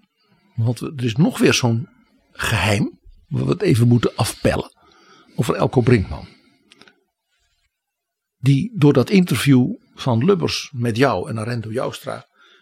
in een soort onmogelijke positie werd gebracht. En dat is dus een heel belangrijk punt hè, voor een fractievoorzitter. Als jij de indruk wekt. Ik zit op deze stoel als fractieleider tijdelijk. Want eigenlijk zijn mijn ogen maar gericht op één plek en dat is het torentje. Of zoiets. Of ik wil de- over twee jaar naar de Europese Commissie. Dan heb je een probleem. Want dat ziet iedereen en die denkt dus, jij zit er niet voor ons. En het kan dus zelfs j- jouws ondanks gebeuren. Zoals in dit voorbeeld waar Lubbers Brinkman al aanwees. En iedereen dus voortdurend naar Brinkman ging zitten loeren. Welke zet gaat hij nu doen? Je zag het ook bij Ad Melkert. Toen dus ja, toch het gevoel was gegroeid. Kok gaat na twee keer premier stoppen. En ja, dat hij zich wel heel opzichtig voorbereidde om eh, Kok te gaan vervangen. En dat leidde ook tot, tot, tot enige onmin en spanningen en wat dan niet. Dus dit is een heel gevoelig punt. In zekere zin had ook Ed Nijpels er last van. Want die, had, die was een enorme verkiezingsoverwinnaar. Was fractievoorzitter gebleven. Had anderen in het kabinet. Eh, Nou, de vicepremier Gijs van Ardenne was al heel snel zwaar beschadigd. Dat was een parlementaire enquête Ja, waar hij onder leed. Dus er werd voortdurend naar hem gekeken als wanneer gaat hij het overnemen, wanneer eh, hè, komt de koep. En dat ondermijnt natuurlijk een fractievoorzitter. Als je kijkt naar die vorige geheimen en wetten die wij noemden. Jij zit daar niet voor jezelf, jij laat anderen schitteren. Maar dat komt uiteindelijk, hè, die schittering komt wel weer op jou terug. Eh, jij zit er om de grote lijn neer te geven. Maar als iedereen voortdurend denkt: Oh, hij houdt nu een heel grote lezing over de principes van zijn partij. Oh, dat doet hij omdat hij zelf lijsttrekker wil worden. Of, eh, ja. Dus dat het een projectie wordt op de fractievoorzitter zelf. En niet op de ideeën, de partij, ja, de doelen die hij wil bereiken. Ja, Nijpels heeft onlangs een boek gepubliceerd. Niet wachten op later heet dat. En dat gaat eh, voor een deel ook over deze periode waar hij dus niet met heel veel genoeg zelf op terugkijkt. En hij, eigenlijk denk ik denk dat hij dus achteraf ook zal hebben ge- vastgesteld van ik ben eigenlijk na die prachtige verkiezingsoverwinning als fractieleider mislukt. En die, nou ja, hij was dan misschien niet zo'n goede beul, maar Frits Bolkestein was dat wel. En die heeft hem dus dan ook onthoofd. Van wie ook iedereen wist, die wil premier worden, of tenminste vicepremier. Dat was Wim Kok, die Den Uyl opvolgde als fractieleider van de Partij van de Arbeid. En iedereen was het destijds ook over eens, ik denk hij zelf ook, dat Kok geen goede fractieleider was. Maar hier is er een markant verschil met, ik noem maar eens bijvoorbeeld Melkert of Elko Brinkman. Wim Kok was fractievoorzitter opdat hij zo snel mogelijk in het torentje zou komen. Ja, hij was dus gewoon de leider van de partij. En op dat moment hadden ze alleen de fractie om de leider van te zijn. Hij zat natuurlijk niet met het idee dat er iemand anders van de PvdA zijn rivaal zou zijn voor dat torentje. En dat was, natuurlijk de, de, de, de, dat was natuurlijk het pijnlijke bij Melkert en Kok en uh, Brinkman en Lubbers. Dus dat is, een, dat is een belangrijk verschil. In zekere zin was dat dus ook het voordeel dat Bolkestein had als VVD-leider. Die was best graag premier geworden. Maar goed, Wim Kok haalde meer zetels. Ja, en, het idee in die tijd was ook nog dat een VVD'er nooit premier zou kunnen worden. Nee, want als zelfs Bolkestein het niet kon met 38 zetels, hè, dan, uh, ja, dan zat het er niet in. Maar Bolkestein had hetzelfde voordeel dat hij dus niet een andere VVD'er eerst uit dat torentje moest jagen.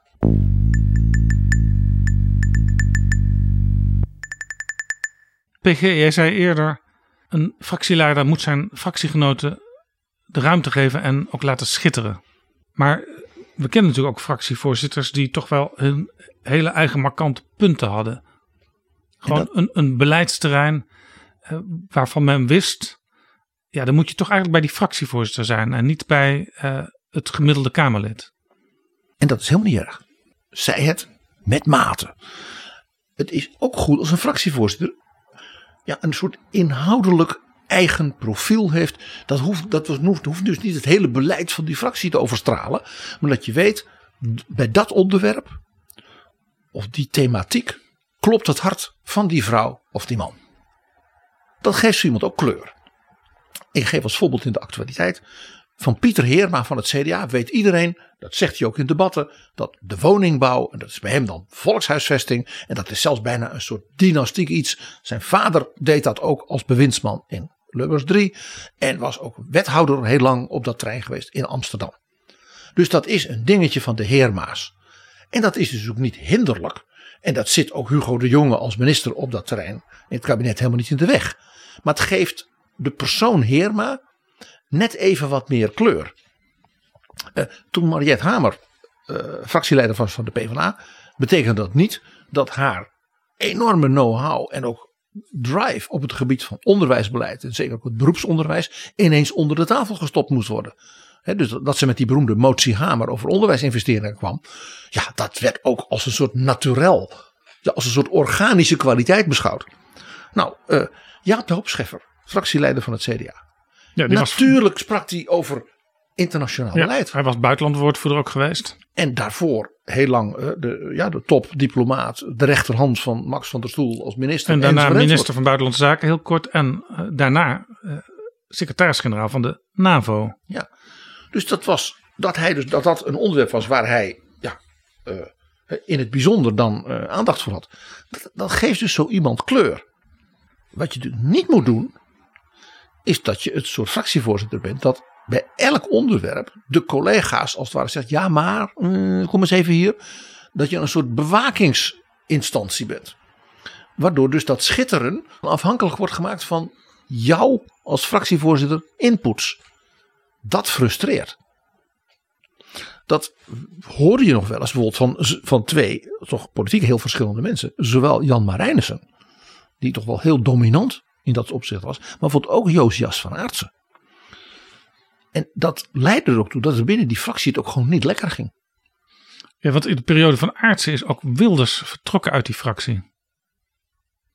En dat was opmerkelijk, want hij, hij was zelfs, uh, geloof, wat was hij, vice-fractievoorzitter of secretaris in ieder geval. Hij zat in het fractiebestuur in zijn laatste fase. Dus ze hadden hem wel ja, een, een hoge functie geboden in die fractie. Ja, hij speelde echt een rol. Uh, en was ook de woordvoerder op alles op het gebied van zeg maar, het sociaal beleid. Dus dat is heel opmerkelijk dat er dan zoiets gebeurt. PG, er is één fractievoorzitter, die heet Thierry Baudet. En die laat eigenlijk in alles zien wat hij in de plenaire zaal van de Tweede Kamer doet. Dat hij het helemaal niks vindt. Dat hij het eigenlijk maar een soort corvée vindt. Dat hij daar ook nog iets moet zeggen in een debat. Uh, dat is natuurlijk niet, lijkt mij, de goede houding voor een fractievoorzitter. Maar ja, de, heer Wilders heeft uh, de Kamer en zijn collega's wel een nepparlement genoemd.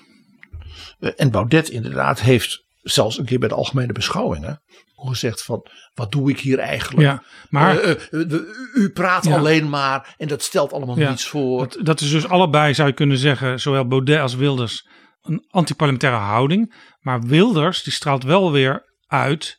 Ik vind het debat interessant en ik vind het interessant om eh, ja, een beetje te sleutelen en een beetje te hakken en een beetje te zagen en kijken hoe ver ik kom. Geert Wilders is natuurlijk een van de langstzittende Kamerleden überhaupt. Dus bij Wilders is het ook een beetje een, een, een affect. Bij alles schande roepen en zo. Stiekem vindt hij het heerlijk. En dat is een hele belangrijke succesfactor voor een fractievoorzitter. Een fractievoorzitter moet uitstralen dat hij het een heerlijk beroep vindt om in de politiek te zitten.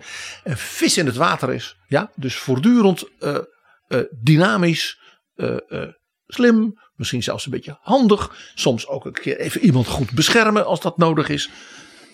En eigenlijk zoiets hebben van ik heb het mooiste beroep. En dat hoort bij de democratie. Dat je ook daar leiding aan geeft. Dat je ideeën aanjaagt. Dat je soms even hè, een goede beul bent. Want dat moet soms ook. Maar straal uit als fractieleider. Dat je met de collega's, met het team. eigenlijk, eigenlijk alle weken weer een feestje van wil maken. Ben ik met je eens, PG. Eén ding, daar moet hij wel van af. Dat is dat altijd weer dat botte instrument van die motie van wantrouwen indienen. Vaak al aan het begin van een debat. Dat is niet effectief. Nee, maar dat is, ook, dat is ook geen onderdeel van dat je laat blijken dat je geniet van het spel. Zo'n motie is juist om zeg maar, overal verder niet meer over te willen praten. Eigenlijk is een motie van wantrouwen indienen door een fractie een nederlaag. Ja. Want je hebt blijkbaar geen argumenten meer behalve boer roepen. Nee, en het, de traditie in de echte politiek, zou ik maar zeggen, is dat je zo'n motie indient op het moment dat je denkt, die zou wel eens een meerderheid kunnen halen. Dat is sowieso altijd verstandig. Als je wil toeslaan, doe dat op het moment dat je weet dat je gaat winnen. Nou, een voorbeeld van fractieleiders waarvan ik denk jij ook zal zeggen, oh ja, het spatte er vanaf. Is eh, bijvoorbeeld, we hadden het er al even over Maxime Verhagen. Je kon gewoon hem zien genieten. Van het debat, van het spel, maar ook van, het, van, van, van, van de macht. Van dingen voor elkaar krijgen. En dat gaf hem blijkbaar een enorme ja, motivatie. En dat kon je gewoon zien aan hem. Ja, Wiegel, Hans Wiegel is natuurlijk ook een voorbeeld. Die kwam de politiek in, was best wel een beetje een schuchtere, verlegen jongen. Maar als hij daar op het spreekstoelte stond, dan luisterde iedereen. En dan hadden ook eh, sommige tegenstanders, ik noem Joop den Uyl, die hadden er best schik in. Ja, dat is een onderdeel. Dat dus mensen van zeg maar, een andere politieke kleur bij zeggen van... Oh, komt hij? Oh, dan ga ik over vijf minuten even in het bankje zitten, want dat wordt genieten. Wie dat ook, vond ik altijd had, dat je zag de, het, zeg maar, het, bijna de gretigheid daarin, was Alexander Pechtold. Je zag hem glimmen. Die was ook echt, ja, je zou bijna zeggen, de koning van de interruptiemicrofoon. Ja. Als hij iets ging zeggen, iedereen luisterde. En eh, dat begon al toen hij nog maar met drie zetels in de Kamer zat als beginnend fractievoorzitter. Ja, want wat heb je anders als je drie zetels hebt? Een goede les voor al die kleine fracties die we nu hebben. Maar straal dus uit, democratie is iets heerlijks en ik mag fractievoorzitter zijn, dus ik mag ook nog een soort leidende rol daarin hebben en dat zal u merken ook. Dat verhoogt ook natuurlijk van burgers, laat ik zeggen, misschien ook wel belangstelling, maar hopelijk ook hun respect voor dat die mensen er echt voor gaan. Nu is het wel zo, Jaap. Kijk, dat je geniet van dat politieke en parlementaire spel en gebeuren, dat is natuurlijk goed. Maar overdrijven is ook een kunst. Er zijn natuurlijk politici die hebben dan een soort in hun optreden een soort hobby-achtige dingen. Dat je denkt, maar dat leidt toch vooral erg de aandacht af. Hè? Je moet dus bij dat aandacht voor het spel altijd de focus houden op, maar wat wil ik bereiken? Dus de focus op de inhoud.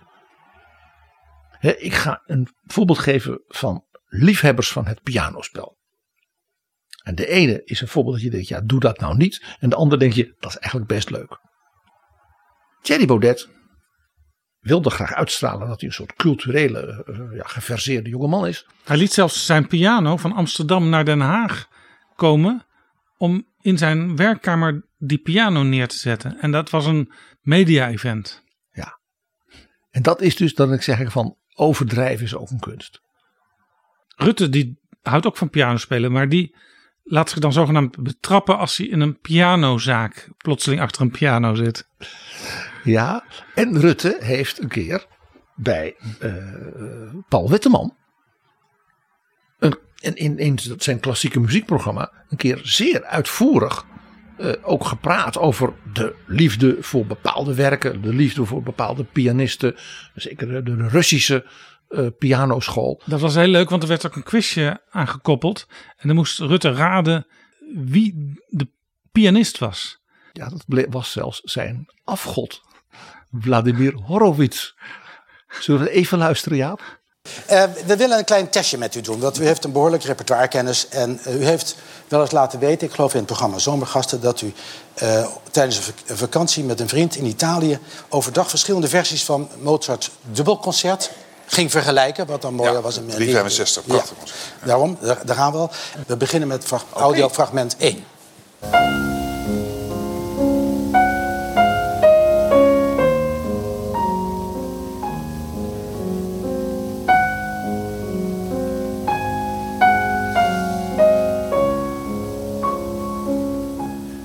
U mag het zeggen. Ja, volgens mij heb ik dat zelf. Dit is, dit is namelijk... De ik hou van mensen met zelfvertrouwen, nee, maar het was... Nee, serieus. Ik heb dat stuk namelijk... Ik, ik herken het. Dit is de treurmars uit uh, de tweede Chopin-sonate. Ja. En daar uh, het tussendeeltje van. En ik heb dat een keer... Volgens mij heb ik het een keer opgenomen in New York... toen ik uh, net lijsttrekker was. En toen ben ik met de NOS met Paul Roosmuller heen geweest. Ik, ik geloof het allemaal wel, maar zullen we even kijken wie het echt was? oh, dus...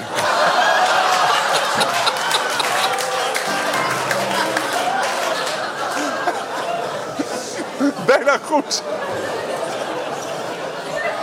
Ah, hoog inzetten, hè? Nog één. De derde en de laatste.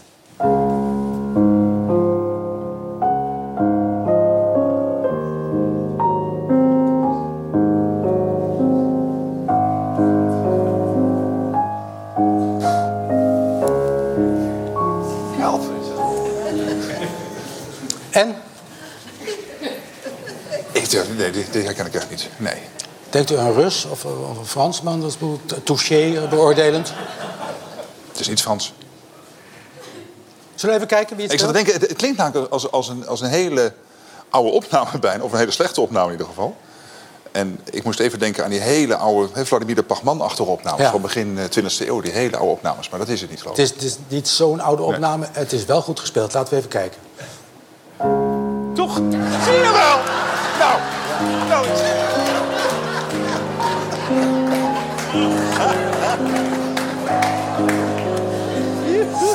Ik, en, ik, en dit is dus uit 2000. Dit is echt uit 2006. En ik, ze hebben toen in het programma volgens mij alleen een stukje gebruikt van Bach, de eerste prelude. Uit Britisch klavier. Ja, ja, ik ja, wist, ja. dit moet ik wel graag die tape hebben. Want, eh, Dus Rutte is op dat moment zeg maar, nog net bewaard voor dat zo'n hobby van een leuke eigenaardigheid die iemand kleur geeft, veranderde in ja, dat iets wel zoveel aandacht trok dat je zei: moet je dat nou wel doen? Ja, wie best wel vaak eh, nog steeds met zijn hobby, wat eigenlijk zijn oude werk was, bezig was, was natuurlijk de al eerder genoemde Pechtold, die heel vaak eh, voor een veiling gevraagd werd. Ja, en ook eh, zorgde dat er schilderijen gekocht werden door, door ministers van Financiën als ze geld over hadden. Nee, ik mag je nog één heel mooi voorbeeld geven. Waar je zegt van, daar is dus die, die hobby, om het maar even zo te zeggen, buitengewoon dienstig te maken. Joop den Uyl, daarvan wist iedereen, was een ongelofelijke kenner van de letterkunde, de poëzie en niet alleen de Nederlandse. En die kon dus in, ook in speeches in de Kamer, dan ineens Vazalis citeren of Brecht. Of, ja, en dat was echt. Want dat had te maken met wat hij daar als inhoud wilde brengen. Maar bracht dat dan met een kleurrijk of poëtisch beeld. Man sieht nur, die im Licht sind, die im Dunklen sieht man nicht. Drei Groschen ober. halve eeuw geleden was de werkelijkheid. Wij zien als politici, wij zien niet meer hoe ontzaglijk veel mensen vandaag de dag inderdaad de kamp hebben met armoede. En een politiek die betekenis heeft, die zal voluit dat moeten zien, een beleid moeten voeren, herstructureren om die tweedeling te voorkomen. Dan zegt iedereen, ja, dat is Joop de Ruil. Dat is dus heel nuttig voor de politieke boodschap en de politieke rol die je wil vervullen. Jaap, we hadden het helemaal in het begin bij die succesfactoren over het feit dat een fractieleider de club wijgevoel moet geven en dat daar ook bij hoort discipline. Nou, één ding dat weten we van sommige fractieleiders die dat meer hebben dan anderen, dat ze op dat punt zwaar rekenen. Namelijk loyaliteit. Dat je als zo'n fractielid, maar bijvoorbeeld ook als medewerkers en anderen, uh, je plaats moet kennen. Ja, dat is de fameuze whip van de chief whip. De chief whip, dat is vaak niet de fractievoorzitter zelf dan. Die heeft dan zo iemand. Een assistent. Maar iedereen weet, die doet dat. En die houdt de boel in het gareel. Voor de baas. En die zorgt dat ook het laatste fractielid meestemt als het erop aankomt. Jij kent de beroemde definitie hiervan. En die is natuurlijk van Lyndon Baines Johnson, de Amerikaanse president. I demand loyalty. I want him to stand in the windows of Macy's and kiss my ass and tell folks it smells like roses. Nou, in Nederland hebben wij best ook een paar van dat soort LBJ's. En één daarvan is natuurlijk een enorme LBJ-kenner en liefhebber. Mark Rutte natuurlijk. Ja. Die, die, die verslindt al die boeken over LBJ. En dat heeft Rita Verdonk geweten. Want dat was natuurlijk waar het om ging. Het feit dat, Rita, dat Rita Verdonk een persoonlijkheid was en dit en dit, dat hoort erbij. Maar het was natuurlijk een fundamentele twijfel aan haar loyaliteit. Waar het om ging. Ze hadden geen conflict over een onderwerp. Over of uh, zeg maar, het rekeningrijden uh, over vijf jaar dan over zes jaar moest nee. worden ingevoerd. Nee, uh, Verdonk die maakte misbruik van het feit dat Rutte in het begin van zijn fractievoorzitterschap nog niet gevreesd werd. En nu wel.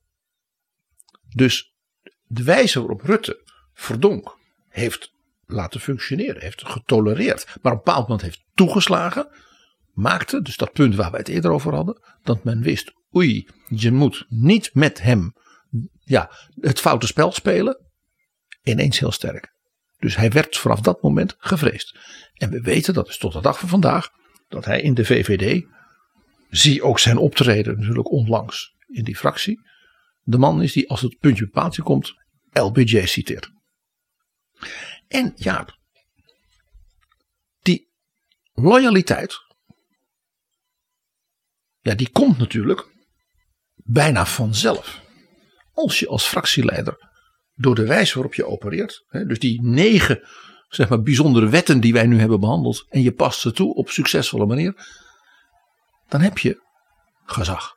Dan ben je voor je club, maar ook voor bijvoorbeeld de bewindslieden ja, van jouw club en van andere clubs, maar ook voor de andere fractievoorzitters in de Kamer. En misschien ook zelfs wel voor de media en voor je eigen partij. Iemand met autoriteit. En dat kun je niet, ik zal maar zeggen, construeren.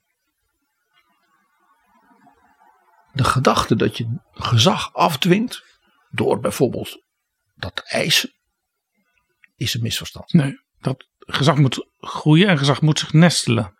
En zich als het ware voortdurend weer verversen. He? In positieve zin, maar bijvoorbeeld, ik zei al, ook een goede beul zijn, soms ook in negatieve zin. Mevrouw Thatcher heeft daar een keer een schitterende formulering Margaret. Thatcher. Die was natuurlijk fractieleider voordat zij premier werd. Toen heeft ze ooit gezegd: Being in power is like being a lady. If you have to say you are, you're not. En uh, you turn if you want to. The ladies not, not for turning. Ja. En dit hier hebben wij natuurlijk ook echt voorbeeld in onze geschiedenis. Dat je zegt van dat mensen gewoon wisten. Die persoon die staat daar. Die heeft dus dat zeg maar, ingeboren gezag. We hadden het al even over Karel Romme. Hè, en echt een prachtig voorbeeld daarvan. Maar ik denk ook dat ook Joop den Uil als fractieleider. Ja, die had dat ook Ja. toen hij geen premier meer was. En dus eigenlijk verkiezingen verloor.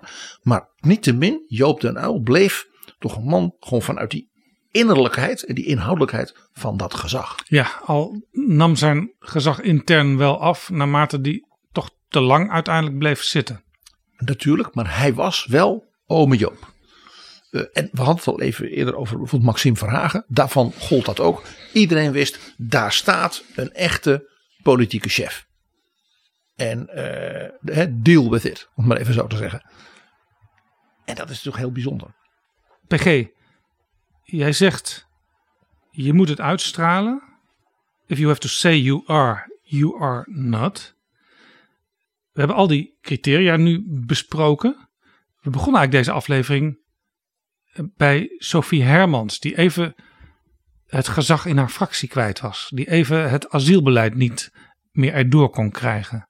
En eh, geholpen moest worden door de premier in zijn rol als VVD-voorman. Blijkbaar voldoet Sophie Hermans dus nog lang niet aan een aantal van die criteria die we genoemd hebben. Ik ben op dat punt voorzichtig. Mag ik het ook eens vanuit een andere blik proberen? Zij moest binnen die coalitie op dit zeer gevoelige punt, waarbij de bewindspersoon die hier ja, wat klem zit ja, in de politieke realiteit, ook nog een partijgenoot is. Staatssecretaris Erik van den Burg, VVD. Dus zij moest met Zegers en Paternotte en Heerma en dus ook die staatssecretaris een modus vinden om dat beleid succesvoller te maken. En dat moet je dan met elkaar doen. En zij was er dus blijkbaar in geslaagd om die modus te vinden. Want zij had dus blijkbaar iets pakket waarvan zij zei: daarmee ga ik naar mijn fractie. Dat kan dus niet anders zijn dan dat dat pakket dus de steun had van de anderen in de coalitie. Maar dus ook van die staatssecretaris, anders was hij opgestapt. En daarmee dus ook van de voorman van de partij, Mark Rutte. Want die kan het zich niet veroorloven dat de staatssecretaris iets doet en de fractie iets doet en die andere. Dat hij zegt, oh daar wist ik niks van. Zo werkt dat niet. Dus je zou kunnen zeggen, zij heeft haar nek enorm uitgestoken en met succes iets op tafel gelegd. Hier kon je best eens gelijk in hebben, PG. Want afgelopen vrijdag in de persconferentie van de minister-president eh, werd Rutte natuurlijk ook naar deze kwestie gevraagd. En op een gegeven moment zei hij dit. De fractie maakt zich grote zorgen over die hoge asielinstroom. Ik denk veel mensen in Nederland. Ik heb gezegd dat ik het daar zeer mee eens ben uh, en daar ook mijn taak in zie om ervoor te zorgen dat die asielinstroom omlaag gaat. Uh, dat zeg ik natuurlijk in de eerste plaats als voorman van mijn partij. Want als kabinet hebben we daar nog verder besluiten over te nemen. Dat heb ik duidelijk gemaakt aan de fractie. Daar zijn we het ook met elkaar over eens. Die asielinstroom is te hoog, die moet terug uh, in aantallen. Dat is werk aan de winkel. En in die zin was dat een goede vergadering. Uh, waarna de fractie zelf ook nog door heeft gepraat na mijn vertrek. Maar dat deel waar ik bij was was 3,5 uur. En dat was inderdaad heel intens. Hoe gaat het omlaag met die asielinstroom? Daar gaan we de komende weken en maanden aan werken. Dat is mijn werk ook in de coalitie. Uh, en zoals u weet, ik vertel pas iets als iets gelukt is. Als we daaruit zijn. Uh, en uh, ik vertel u alleen wel wat het doel is. En dat ik ervan overtuigd ben dat we dit moeten doen. PG, misschien heb je wel gelijk. Want je hoort Rutte hier min of meer zeggen. De fractie heeft mij overtuigd. En de boodschap die hij brengt is een boodschap. Ja, eigenlijk niet als premier, maar als VVD-voorman in die voor de komende, de coalitie. Voor de, voor komende, de komende weken, maanden, zegt hij. Dus er hangt ook nog iets boven het hoofd van die hele coalitie. Van jongens, jullie moeten wel een beetje met de VVD meedenken en in onze richting acteren, zoals ze dat tegenwoordig noemen. Want anders is, gaat het mis. En dat is een boodschap die wordt gebracht door Mark Rutte, de voorman. Die 3,5 uur met die fractie dat pittige gesprek had gevoerd. En men was het eens. Dan zeg ik Jaap, ja. dan is, spreekt hier Mark Rutte op zijn persconferentie als de woordvoerder van Sophie Hermans. Dus met andere woorden, PG, dit zou ook wel eens het begin kunnen zijn van de vestiging van het gezag van Sophie Hermans. En misschien dat we over 15 jaar of over 20 jaar zeggen, This was her finest hour. Dankjewel, PG.